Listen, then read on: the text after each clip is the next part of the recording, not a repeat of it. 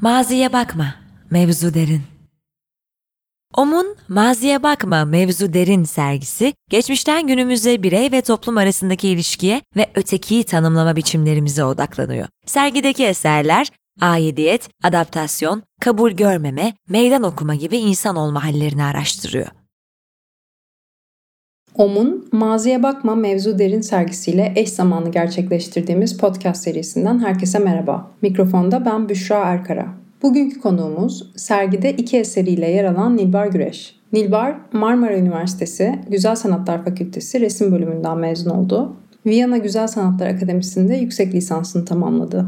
Daha sonra Viyana Uygulamalı Sanatlar Üniversitesi'nde resim ve tekstil öğretmenliği eğitimleri aldı.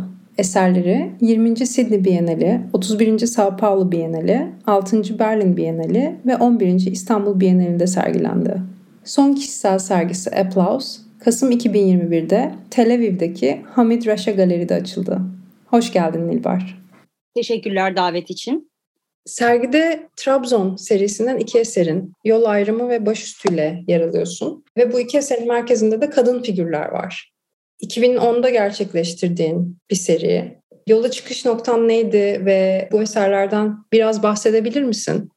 Yola çıkış noktam aslında geçmişimdi. Çocukluğumdaki Trabzon'a dair hatıralar. Anne tarafımdan akrabalarım Trabzon'da yaşıyorlar ve oraya fındık toplamaya vesaire gibi veya bazen yaz tatili geçirmeye bu tarz seyahatlerimiz oluyordu. Anneannemle falan giderdik daha çok. Ve yani çocukluğum boyunca gözlemlediğim bir durum var. Yani bu durum tabii her yerde ama sanırım köy gibi daha küçük ve insan ilişkilerinin daha ulu orta gerçekleştiği, küçücük şeylerin bile köye mal olduğu tartışmaların veya anlaşmazlıkların. Yani böyle mekanlarda, kasaba köy gibi yerlerde tabii insan bence daha rahat okuyor. Yani şehir insanının şehirde çözümleyemediği, belki de analiz edemediği problemleri ben köyde daha az bir nüfusla daha iyi okuduğumu düşünüyorum. Çocukluğuma dair hatıralar vardı ve çok uzun zaman olmuştu oraya gitmeyeli. Çünkü Türkiye'den aslında bir dönem bir kopuş yaşadım 2000'de Viyana'ya giderek. Dolayısıyla 2010 senesinde tekrar Trabzon'a gidip acaba orayı nasıl hatırlıyordum ya da şimdi nasıl görüyorum? Bunu sanki böyle bir kendi kendime test etmek istediğim gibi. Hiç hiç düşünmeden gittim. Çünkü sanat zaten bence öyle çok düşünülerek yapılan bir şey değil ve de yapılmamalı bana göre. Ve çok içgüdüsel bir karardı.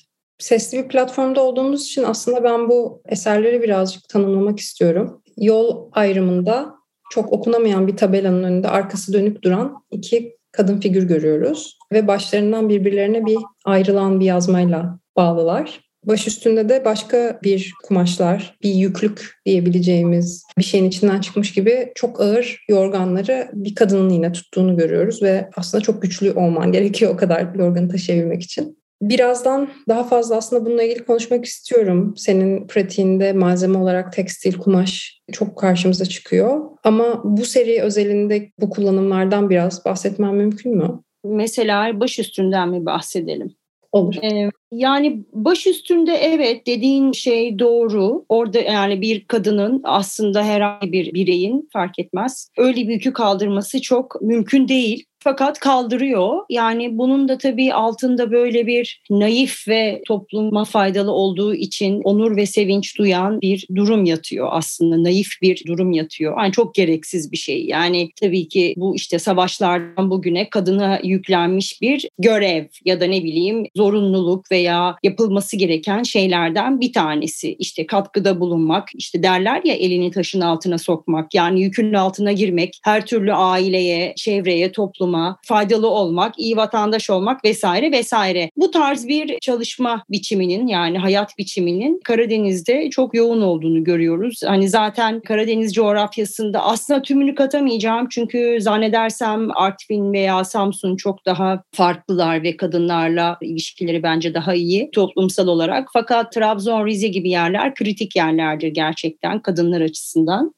Böyle bir evet gereksiz bir patriotik tavır. Yani kadınlarda her işi yapmaya kalkma. İşte benim çok sevdiğim erkek Fatma diye bir laf vardır. Yani oralar öyle ne yazık ki. Ve tabii çok gereksiz bir şey. Çünkü yıllar içerisinde kadınların inanılmaz yıprandığını, birçok hastalıkla karşı karşıya kaldığını görüyoruz. Çünkü sonsuz bir çalışma sistemleri var. Erkekler kadınlar kadar asla çalışmıyor. Ve ben bunu tabii ki takdir etmiyorum. Yani kadınların bu kadar çalışmasını da takdir etmiyorum. Yani evlerin o kadar temiz olmasını da takdir etmiyorum. O tabii daha geleneksel gibi görünen bir kadın figürü. Yani o fotoğrafların hiçbirinde hiç kimse giydirilmedi. Yani o kostümler oradaki insanlara ait. Ben zaten çalışmalarımda genellikle insanlara yani kostümleri verip al bunu giyeceksin gibi çalışmıyorum. Böyle işlemiyorum. Zaten beraber çalıştığım insanların çoğu arkadaşımdır, dostumdur, çevremdendir veya akrabamdır veya tesadüfen oradadır falan. Yani böyle çok dediğim gibi kurgulamaktan, hesap kitap etmekten hoşlanmayan biri olduğum için birçok şey zaten spontan. Aa burası çok güzelmiş hemen burada çekelim bir şey falan gibi. Yani günümüzde de işte kostümler farklı ama geleneksel cinsiyet rolleri ve görevleri devam ediyor. Ben de tabii bunu takdir etmediğimi tekrar vurgulayayım.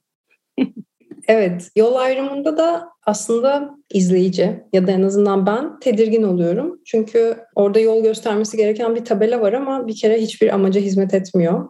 Ve birbirine sanki böyle biyolojik olarak ya da organik olarak bağlı bir şeyin uzaklaştığını ve böyle o uzaklaşma sırasında da belki biraz gerilerek koptuğunu gibi bir şey gördüğümüzü düşünüyorum. Ama bu tabii bir izleyicinin yorumu.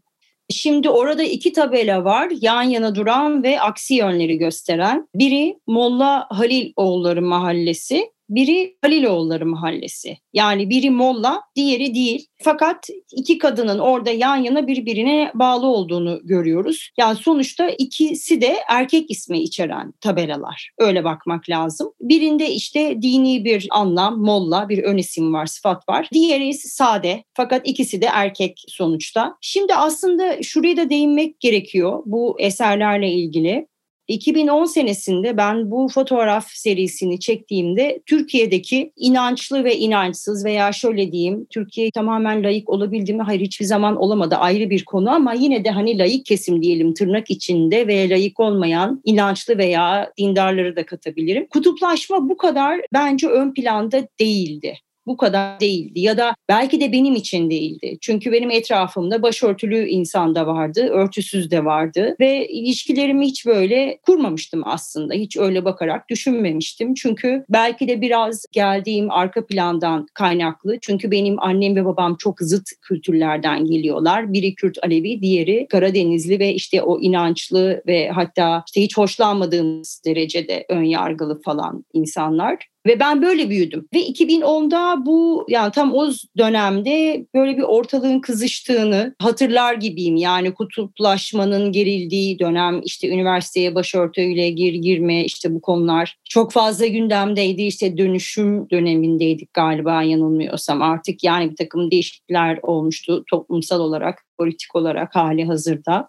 Biraz yaydım ama Sonuçta ben o zaman da bunun böyle olduğunu düşünüyordum. Yani molla olsun veya olmasın erkek toplumu tabelalardan bahsediyorum. Aynı şekilde bugün de yani bu kutuplaşmanın ben toplumsal olarak kırıldığını düşünüyorum. Eskisi kadar değil. Yani şu kadınlar arasındaki ilişkilere bakacak olursak ben yolda çok fazla tesettürlü olan ve tesettürlü olmayan iki kadının beraber e, sohbet edip yürüdüğüne şahit oluyorum. Yani belki orada ikisinde de başörtü var ama günümüzde biz bu tamamen farklı ideolojilere sahip kadınları yan yana yürürken görebiliyorsak eğer o zaman sanki çok fazla söyleyecek bir şey kalmıyor gibi. Yani ister Molla olsun ister olmasın erkek toplumu.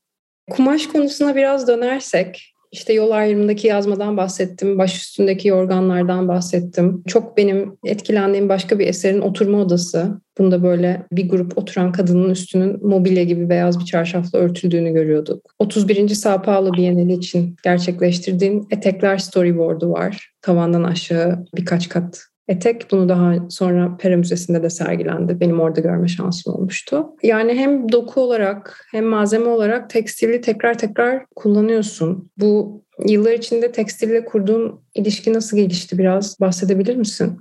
Çocukken çok küçükken 4-5 yaşımda falanken doğum günüm olduğunda kadınlar bana çeyizlik masa örtüsü hediye getirirlerdi. Bunu çok iyi hatırlıyorum. İşte büyüyünce çeyizine koyarsın kullanırsın falan diye. Ben de onlara çok kızardım. Ben çocuğum oyuncak hediye istiyorum. Niye bana bunları getiriyorsunuz derdim falan. Hiç müteşekkür değildim anladığın üzere. Haklı olarak. Bence onun etkisi çok oldu. Çünkü çok erken ve gereksiz bir şekilde tekstile maruz kaldığımı düşünüyorum yani öncelikle. Ondan sonra annem tabii ki bir sürü şeyi topladı benim için. Yani annem çok geleneksel biri sayılmaz ama yani yüzde elli var evet kesinlikle. Yani işte da kendi içinde karşı koyamadığı o geleneksel tarafıyla bir şeyler biriktirdi burada. Bir de şöyle yani ben etrafında seyahat eden insanların bolca bulunduğu bir çevrede büyüdüm yani anneannem ve dedem İsviçre'ye misafir işçi olarak ne demekse o soru işareti parantez içinde gittiler ve İsviçre'den bize her zaman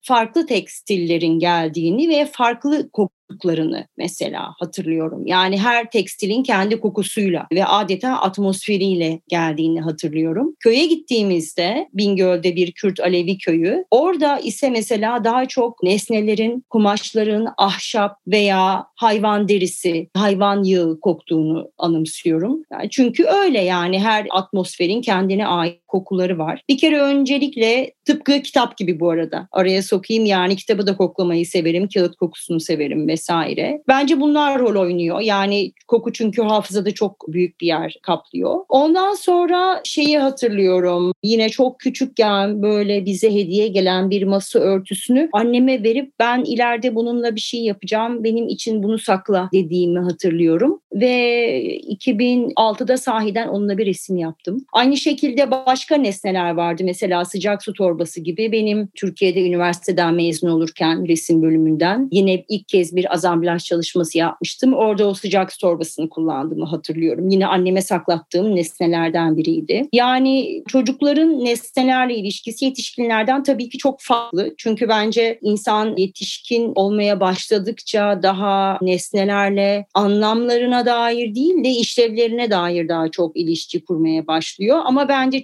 çocuklar formu, tadı, kokuyu daha iyi hapsediyorlar zihinlerinde. Bence bununla alakalı bir şey ve bunu sürdürmekle alakalı bir şey. Ha evet belki bilmiyorum bir bankacı olsam o nesneleri artık ben tutuyor olmayacaktım ya da evimde olmayacaklardı. Fakat sanat yapan birine dönüştüğüm için devam ediyorum toplamaya. Teşekkürler. Bu serginin ismi Maziye Bakma Mevzu Derin ve ele aldığı en temel konulardan biri birey toplum çatışması. Özellikle içinde yaşadığımız toplumda birazcık ilk sorunun cevabında da bahsettin aslında. Bazı kimlikleri örneğin işte kadın olmayı ya da biraz daha şehir kontekstine girdiğimde sis hetero olmayan bir birey olmayı ve bunları taşımanın diğerlerine kıyasla ne kadar ağır olduğu, zor olduğu. Sen bence bu konular üzerine yıllardır kafa yoran bir sanatçısın. Dünyada geldiğimiz noktayı nasıl görüyorsun? Bunu konu da edinmiş biri olarak. Ne anlamda? Yani geldiğimiz noktada bireyle toplumun ilişkisi iyileşti mi? İnternetten sonra her zamankinden daha mı kötü? Dünyada geldiği noktada mesela birinci dünya ülkelerinde çok daha queer dostu yaklaşımlar görürken işte Türkiye'de hala farklı konularla uğraşmak zorunda kalabiliyoruz. Biraz anladım galiba soruyu. Yani şöyle iki türlü konuşmak lazım sanki bu konuda. Yani ikiye ayırarak. Birincisi queerlik meselesi. Yani ben hayat boyu zaten biliyorsunuz yani queer'in tek bir anlamı yok. Sadece yani bu cinsel bir background'u olan bir kelime değil. Öyle bir sınırı yok yani queer'in. Yani farklı olan her şey aslında tabii ki toplum içerisinde yer bulmuyor. Bir de genel bir bakışla söylemek istiyorum. Diğer taraftan toplumla bireyin ilişkisinin iyi olması prensip olarak mümkün değil. Yani toplum toplumdur, birey de bireydir. Hiç de böyle bir ilişkinin şahane falan olması da gerekmiyor. Diğer taraftan da queerlik meselesi yani ben böyle aslında dediğim gibi tek tip bakmıyorum olaya. Aynı şekilde Bugün yani kürk giymeyi, deri giymeyi reddedenler, veganlar yani o, o kadar fazla farklı hassasiyetleri olan insanlar var ki yani bence onlar da toplumda hak ettikleri yeri bulmuyorlar Bir taraftan böyle bir şey de var. Diğer o bahsettiğiniz Avrupa ülkeleri vesaire gibi yerlere gelince yani orada da mesela ırkçılık ve ayrımcılık insanların rengine göre, diline göre o kadar çok ki dolayısıyla benim gözümde o ülkeler de geri kalmış ülkeler diğer taraftan. Yani ben onlara ileri ülkeler falan diye bakmıyorum. Ha evet belki parti yapmak daha kolay ya da sokakta çırılçıplak koşabilirsin kimsenin umurunda olmaz. Ama eğer ırkçılık son bulmadıysa, tür ayrımcılığı son bulmadıysa bence o ülke ileride falan değildir. Türkiye'nin maziyle ilişkisini nasıl tanımlarsın? Özellikle yıllar içinde gidip gelmiş ve dışarıdan da gözlemleyen birine dönüşmüş birisi olarak. Türklerin e, maziyle, Türkiye'lilerin maziyle ilişkisi bataklıktır. Yani istemedikleri maziyi anımsamazlar. Ya insan hatırlar yani biz balık değiliz. Tabii ki hatırlıyoruz. Ama duygularımızı görmezden gelmek durumu var tabii ki ve anları yani anımsamamaya çalışmak, geri itmek, geri yollamak belki o hatıraları. Ama dediğim gibi yani böyle bu çok genel konuşulduğunda çok arabesk bir söyleme dönüşebilir. Her an çok hakikaten bıçaküstü bir konu bana sorarsa. Dolayısıyla bence bunu daha spesifik alt başlıklar altında tartışmak gerekiyor. Katılıyorum. Sergiye ismini veren Maziye Bakma Mevzu Derin bir kamyon arkası yazısı. Bu seride misafir ettiğimiz sanatçılara en sevdikleri kamyon arkası yazısını varsa ya da Türkiye'nin yakın geçmişinden sloganlaşmış bir şarkı sözünü soruyoruz. Yine varsa. Seninki nedir? Ben sevdiğim şeyleri kaçırmam.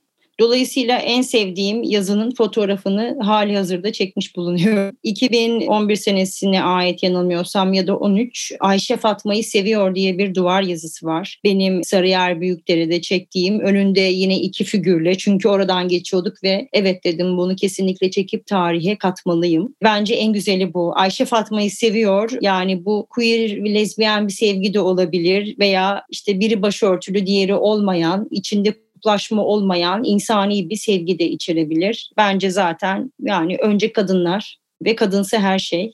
Ayşe ve Fatma diyorum. Burak Özgüner'e ait olduğunu zannediyorum. Burak çünkü gerçekten böyle bir varlıktı. Herkesin hakkını sonsuza dek savundu. Hayatı yettiğince, ömrü yettiğince ve iki sene önce aramızdan ayrıldı 9 Kasım'da. Çok teşekkürler bugün bizimle olduğun için. Bu podcast serisi OM'un Maziye Bakma Mevzu Derin sergisi kapsamında gerçekleşmektedir. Hazırlayanlar Büşra Erkara, Bala Gürcan ve Umut Özcan. Destekleri için Aposta'ya teşekkür ederiz. Bir sonraki bölümde görüşmek üzere.